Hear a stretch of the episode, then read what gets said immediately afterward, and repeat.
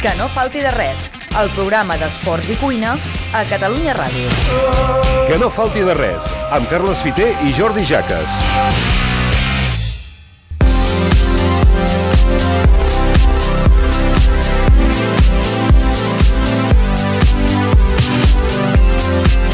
Avui comencem el programa amb un convidat de luxe que encaixa perfectament amb la filosofia d'aquest programa. Primer perquè és un periodista brillant, que és capaç que, que aquell espectacle que fa el Barça sobre un terreny de joc, ell el segueixi fent a les seves cròniques, a les seves línies. I després, perquè és un amant de la gastronomia i soci de la penya gastronòmica del Barça. I vaja, perquè ens cau bé. I, escolta, Jordi, és un plaer poder entrevistar Clar que la sí. gent que ens cau bé. I, per, i, I perquè la toca. Clar, Perquè la i toca. gent que, que, que valgui la pena que es faci escoltar.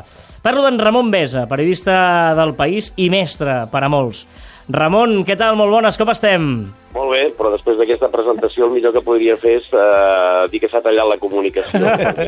No, no, ho dic de veritat, a més a més, eh? Vull dir que no, en aquest programa una altra cosa no, però, però dir el que pensem... Sí, deixem anar bastant clares. Correcte. Estem molt contents de, de que estiguis aquí el que no falti de res perquè eh, aquest programa, la, la gastronomia és l'excusa per parlar de, de, de futbol i, i jo sé que tu ets una de les persones que, que disfruta de, de la gastronomia i, i li dona valor, però no sé si, el primer que em venia al cap, eh? No sé si el futbol t'ha deixat algun dia sense menjar, si ets d'aquests que a vegades t'emprenyes per un resultat o alguna cosa, o ja fa molt temps que perds la gana pel futbol. No, no, molt sovint em quedo sense menjar, i més últimament. Eh, però no per, per, per, per disgust, sinó perquè la feina, últimament els viatges del Barça, per exemple, eh, ja no anem amb l'expedició, això vol dir que tu has de buscar la vida tu mateix, i, per exemple, els viatges europeus, moltes vegades viatgem el dilluns a primera hora, arribes a la ciutat on et toqui, en aquest cas darrerament Roma, eh, Londres vol dir arribar cap a quarts de dues les dues, vol dir deixar la maleta, anar a la roda de premsa i després de la roda de premsa anar a sopar. Què vol dir això? Que t'has de fotre un, una hamburguesa o t'has de fotre el que trobis a mà pel sopar i no dines, només sopes. I aleshores ja sí, procures que el sopar eh, sigui bo sempre que no tinguis una ràdio que, que col·laboris i que et truqui a les 12 de la nit. O sigui, gairebé l'únic àpat que fem bo, bo, que puguis triar una mica, és el de l'endemà, el del dimarts, si el partit és el dimarts. Abans tot això anava molt més pausat i podies triar tu millor. De, de, de fet, eh, el, el periodista eh, esportiu, jo sempre dic que el que més ha canviat és el de premsa escrita, perquè abans, diguéssim que tu viatjaves, eh, per dir alguna cosa, i segurament el dia de partit, fins a l'hora del partit, poca cosa hi havia a fer, en canvi ara la web obliga que constantment hagis, eh, gen hagis de generar informació. No, i tant, és, és que tens una dependència total del, del lloc de treball. En canvi, abans tenies la possibilitat de conèixer una mica les ciutats. Jo ara veig que, sobretot, el que veiem són camps de futbol i aeroports. I això fa que t'hagis de buscar sempre un anfitrió. Per exemple, un bon conegut teu, no? O sigui, segons a quina ciutat vas, Uh, on anirem avui? Doncs uh, t'has de posar la cua a demanar tant amb el Toni Padilla. Per què? Perquè és un tio que com a bon, bon historiador és, uh, jo què sé, qualsevol ciutat, doncs, menys, les, sobretot les menys conegudes, o te'n pots anar, per exemple, a Lisboa, no? Dius, on anem a dinar? Doncs no, anirem a dinar a un determinat restaurant perquè allà hi anava el PSOE. Uh, on anirem avui a Milà? No aneu allà, sinó que us portaré un altre escenari. De vegades has de buscar, jo que amb això sóc molt, molt força negat, m'agrada menjar, però no, no, no, no, no tinc massa idea de vegades on anar, o et portes per al Toni Padilla, per exemple, un personatge així, al seu moment també l'U Martín, eh, sobretot els corresponsals, és a dir, si tu vas, per exemple, a Itàlia, doncs jo el corresponsal del diari on treballo jo, que és el País, doncs coneixes el Dani Verdú, i el Dani Verdú li dius, escolta, on podem anar? Doncs mira, anirem eh, l'última vegada en un d'aquests restaurants que ja s'ha fet famós a, a Roma, que és il, il Pomidoro, no? Que és uh, una pizzeria, no, no és perquè sigui... És un lloc on fan uns espaguetis a la carbonara extraordinaris perquè fan amb costella de porc. Però més que el menjar és perquè allà es diu que hi anava molt sovint el Guardiola, la prova és que hi ha una fotografia seva, i és l'últim restaurant que va estar a Pasolini. Per tant, vincules una mica a gent que ha viscut emocions i que saps que es menja bé, i que, és, que eh, els llocs que es menja bé, i saps que et portaran eh, on et convé, més que no pas, alguna vegada també passa, deixar-te sorprendre i passejar-te, jo què sé, per qualsevol zona coneguda d'una ciutat d'aquestes europees i aviam on et deixes caure. Eh, Això, Jordi, ja és un nivell superior, perquè ja és barrejar gastronomia i cultura, que aquí hi ha... Aquí hi ha... Gastronomia i cultura, i a més a més ha mencionat una sèrie d'il·lustres menjadors, Correcte. Que clar, que al final, jo, eh, que des de la meva perspectiva eh, gastronòmica i els desplaçaments de Champions tota la meva vida han sigut per anar a halar. O sigui, o sigui hi, ha, hi ha un bon desplaçament, un moment, hi ha un bon restaurant, però doncs no és un bon desplaçament per partidars que ens toqués, eh? Vull dir, al final... Eh, Deixem fer un parèntesi perquè has citat a Toni Padilla, el cap d'esports del diari Ara, i un, efectivament, grandíssim amic meu de Sabadell, com ha de ser, mm. i que un dia l'entrevistarem també, perquè el Toni... Ho estava dient i ho estava pensant. Sí, jo, perquè a més a més amb el Toni vam començar a la Ràdio fa molts anys, quan seguíem els partits del Sabadell, i teníem 18 anys els dos, eh? Sí. I sempre triàvem el restaurant on jugava el Sabadell, a aquella edat, eh? Vull dir que, veus, veus, que això ja, ja ve de fa temps. Bé, d'alguna manera és això, no? D'alguna manera... El, no, no et motiva aquests desplaçaments que dius, bueno, el partit no sé si serà més bo o més dolent, eh? però mm, cuidado que tenim un bon restaurant o cuidado que tenim un, un, un lloc de, de menjar tradicional eh, interessant, no? Aquesta, aquesta motivació bueno, i de sèrie. Els periodistes, a vegades, eh, Ramon, mirem el, el sorteig des del punt de vista de la ciutat més que de l'equip. Sí, tant. Uh, per exemple, uh, quan toca el Chelsea, el que ha tocat sovint, eh, és maco perquè vas a Londres i a Londres cadascú té el seu barri, té el seu restaurant, té el seu amic, depèn amb qui vais. Eh, renegues perquè vas a Stamford Bridge, que és el pitjor camp per treballar. És a dir, que l'emoció gastronòmica i la, i, la, i la ruta per Londres és molt més seductora Perdona. que no pas anant a fotre't allà en aquell quadrilàter de Stamford Bridge que és... Per què, per, per què és tan dolent per treballar? Perquè a, a mi m'havien dit que, que la gastronomia era bona, no? No, per la posició no, de premsa. Exacte, la premsa escrita sobretot et posen com si fossis un pura sang amb un calaix aquests abans que et deixessin anar a córrer, saps? I, I de manera que no pots sortir del lloc on estàs si te n'has d'anar uh, al lavabo. Jo, per exemple, sempre explico que jo em vaig pixar, orinar, si es vol dir, el dia del gol de l'Iniesta, mentre que la, la possibilitat de passejar per Londres, doncs bé, uh, és, és extraordinària, no?, perquè no te l'acabes mai i sempre trobes, depèn amb qui, amb qui vagis, aniràs cap a un cantó o l'altre i, el, i la gastronomia és vital del, del restaurant. I, I a Londres no? sempre, sempre descobriràs nous restaurants, perquè és una ciutat molt canviant. De, de, deixa'm ara que has fet el link amb, després d'aquesta anècdota brillant que, que, que demostra la professionalitat i, i la passió del Ramon. Ha, ha, ha parlat de, de, de l'Andrés Iniesta, avui és un programa que també estem dedicant molt a, a, a l'Andrés, i, i tu, juntament amb el Marcos López, el periodista del, del periòdico, heu escrit un llibre que es diu La jugada de, de mi vida, la jugada de la meva vida, sí. on expliqueu la, bueno, una mena de biografia biografia d'Iniesta, que, que és una història, una, és molt bonica, no? perquè és el propi Iniesta qui es posa en contacte amb vosaltres i, hosti, vull que entre tots eh, m'escriviu aquest llibre, no? Sí, sí, va ser una sorpresa. Ell es va posar en contacte primer amb el Marcos i després amb, amb mi. Encara no hem sabut mai per què. és a dir, tu, tu, tu dies un, de la mateixa manera que ara intentes argumentar per què doncs, en un viatge doncs, te'n vas amb el Toni perquè vas, vols conèixer eh, la cultura futbolística, gastronòmica i la, la ciutat, doncs no, no saps per què l'Iniesta es va triar eh, en el Marcos i en mi. Puc entendre lo del Marcos en part perquè Marcos és fill de Huercalovera, que és un poblet d'Almeria, eh, que té una certa similituds, podem dir, per, per, per, per de paisatge, de naixement, com pot ser Fuente Alvilla, no? I, bueno, a partir d'aquí, eh, sí, sí, vam seguir... Ell va dir que volia fer una, un llibre, que volia fer una autobiografia i que nosaltres volia que l'acompanyéssim. I la, la gran sorpresa d'aquell llibre, per al Marcos i per mi, és que Iniesta, que és veritat que no parla massa, escriu molt, o sigui, cada dia ens trobàvem e-mails, e-mails, e-mails amb reflexions seves, que llavors entre tots dos processàvem, eh, vertebràvem el capítol eh, i a partir d'aquí eh, ell deia el que hi estava d'acord o no hi estava d'acord. Per tant, el punt de partida ha estat sempre seu, no és allò que ell hagi, hagi vist les, els folis que nosaltres hem escrit i li han agradat o no. no. La, la matèria prima, ara que parlem de gastronomia, o sigui, és la que ha subministrat a l'Andrés perquè és el seu llibre i a partir d'aquí doncs, nosaltres el que hem fet és eh, posar-li el coixí, eh, endreçar-la una mica i això, sobretot, no tenir pressa, perquè el llibre vam dir la... no ens casarem amb cap editorial fins que no estigui acabat. Quan estigui acabat, doncs després que els que es dediquen als business que s'espavilin, però no volíem el condicionant de cap editorial.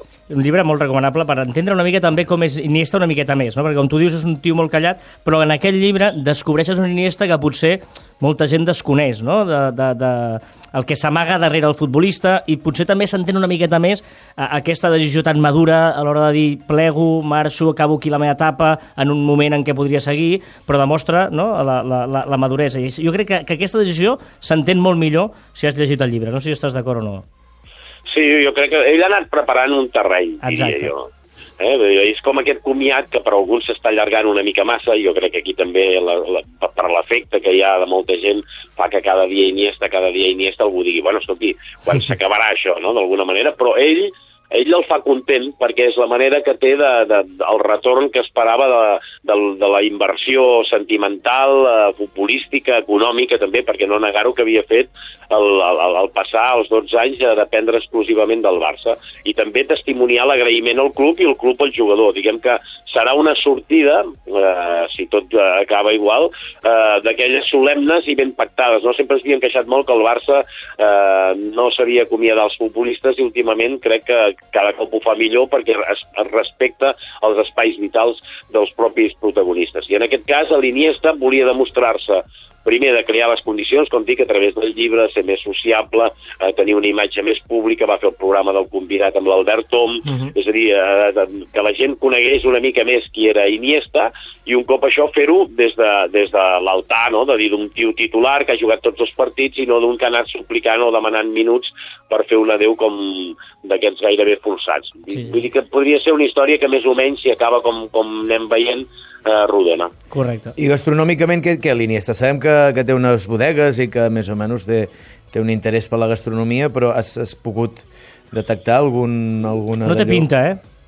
No, no, no, la veritat és, és que també és molt, molt clàssic, jo crec que li agrada molt experimentar, i ara el que li demanava jo últimament que, que crec que és important per ell és, és el seu vi. Ell ha de decidir si, si el vi, i amb això tu, Jordi, jo crec que necessita assessorament de gent que hi entengui, has de fer veure si tu vols que el teu vi competeixi amb els millors vins dels millors restaurants o vols que sigui un vi corrent, no? O, o, quin, o quina gamma o quina categoria. I, es, I estava pendent més, diria, del veure que no pas del, del menjar. El menjar el veig molt, convencional, no el veig massa... Com el que seu... sempre ha estat un, un jugador a l'antiga, també és una persona en aquest sentit que és molt de costum, saps? De deixar-se sorprendre poc. El seu plat preferit encara és el pollastre amb patates, eh? Fins allà, fins allà on no. jo sé.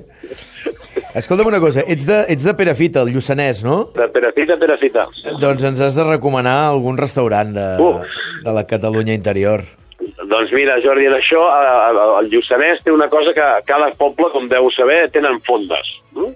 Aleshores, les fondes del Lluçanès són totes prou bones. N'hi ha una que és la, la Casa Mare, que és el Collet de Sant Agustí, que és on es fan uns canelons amb col, per exemple, i mongetes i botifarra amb cansalada. Ja, doncs, eh, si vols cassola, te n'has d'anar a Cala Cinta, que és la Lou. Si vols veure turisme i tu vols passar has d'anar al Pens perquè hi ha Forge, que és la fonda del Pens. Ara, últimament, a la Torre d'Oristà s'ha obert un restaurant que es diu Cal Trunfo, que el porta eh, un nano que havia estat als casals de Sagàs i que, a més a més, havia estat a la, a la Moritz. És un restaurant també que trenca amb tot la, més o menys el que hi havia per aquella zona. I després queda el clàssic de la Font de Sala, on pots fer des d'un un, un menú convencional o te'n pots anar, eh, sobretot a l'època d'hivern, a la caça. És un tio que encara fa la cara, fa la llebre, la royal i fa alguns plats d'aquests que estan bé. Vull dir que en aquest sentit el Lluçanès eh, està bé per, per menjar. Em moro de ganes per agafar aquest tall de veu i, i, i apuntar-m'ho tot. Per això, no, si, si vas d'una... Si vas d'una... És a dir, si vas per Europa, par, pots parlar amb Toni Padilla, però si vas a la Catalunya Interior has de parlar amb Ramon Besa, eh? Vull dir, això ens ha quedat clar. Això és el Lluçanès des de casa, són 8.000, el Lluçanès no són més, però jo sí que sóc d'aquests i per això us agraeixo que, em, que em deixeu participar al programa. A mi m'agrada anar a dinar a les fondes del poble i fer vida, és a dir, ah, doncs avui sí, què vull menjar? Sí, avui ens anem a Cal Penyora, a Santa Eulàlia de Puigeriol, per què? Perquè menjaré patates amb pela, que és un plat que només em feia la meva àvia, a més a més, amb carn de xai. Per què? Per què? Perquè la carn de xai de Cal Penyora no fa olor de, llany, de llana. Oh. I això dius, o sigui, que, quina cosa tan absurda, no?, anar-te a fotre un tall de carn a Cal Penyora. Bueno, doncs per mi és la millor carn que hi ha i les patates en pela no les fan enlloc. Doncs, bueno, doncs això és un petit ple que, a més a més, et costa pocs calés, però que et vincula el que esteu fent al programa, que és passejar, menjar bé, eh, badar, i dedicar-te una mica a l'onanisme, a, la, a la vida, no als plers de la vida. Els, gra els grans cuiners consagrats eh, són un privilegi pel nostre país, però ja, ja, els, ja els coneixem tots. Els que realment ens interessen, precisament, són aquests. Perquè, de fet, Ramon, tenim la gran sort de, del país on vivim, que tu tens des del celler de Can Roca, que és la, el millor restaurant del món, i si vas passant, passant, passant, et vas trobant eh, des d'aquest no? aquest, aquest restaurant del costat de casa, que el cuina la senyora o el senyor de tota la vida, i, i aquesta diversitat, i poder triar, és que hi ha un dia que que vull menjar d'estella Michelin, i perquè no només tinc el celler, tinc la Ruscalleda, tinc l'Adrià, tinc el que vulgui, això et permet eh, tenir una diversitat espectacular, una riquesa en restauració brutal i en gastronomia eh, espectacular. I si em permets, jo vaig tenir la gran sort de conèixer el Manolo Vázquez Montalbán, Home. que des de la seva, de, de, des de ja fa molts temps, estem parlant des dels anys eh, 70, eh, quan va començar a publicar articles del Barça Triunfo i, i a ser una persona que predicava des de, sent del suc, o sigui, sent comunista, parlava de gastronomia i futbol cosa que l'esquerra d'aquella època ho considerava un crim gairebé. I ara ens guanyem la vida no sé quants amb la gastronomia i el futbol. Vull dir que tot això a mi m'ha remogut molt la memòria i les bones vivències. I us agraeixo que haguem pogut compartir aquests moments. Al contrari, un plaer tenir-te al nostre programa, Ramon, i moltes gràcies, de veritat. Una abraçada molt forta. Gràcies a, a, a vosaltres i que vagi molt bé. Que no falti de res, amb Carles Fiter i Jordi Jaques. És un plaer, eh? que facin personatges com aquest. Són aquelles entrevistes que et fan curtes, eh? Que Sí. fa- faries que, que durés mitja hora. Un... I a mi hi ha una cosa que m'agrada molt de la gent que, que li agrada la gastronomia, aquesta persona de la gastronomia, que és sempre treure'n alguna Eh? Sempre que t'aportin aquell restaurant que realment no coneixes o aquella zona que no has, que no has prestat atenció. Al final, el que enriqueix del, del, la gastronomia és com el futbol, eh? Vull dir, ens agrada... Una de les coses que ens agrada és, és parlar-ne, no? Eh, Correcte. Eh, allò després, quan acabes de menjar, que seguim parlant de menjar, i que et segueixin recomanant aquell restaurant i que, que et vagi enriquint, a mi això...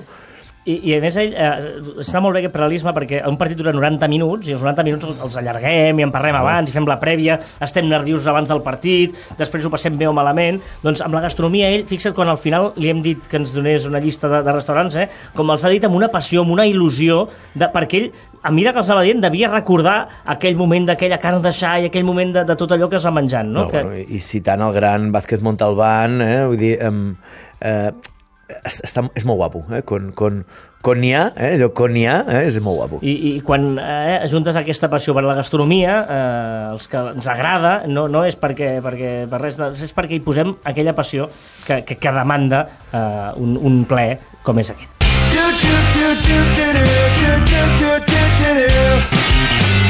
Que no falti de res, el programa d'esports i cuina a Catalunya Ràdio. Que no falti de res, amb Carles Fiter i Jordi Jaques.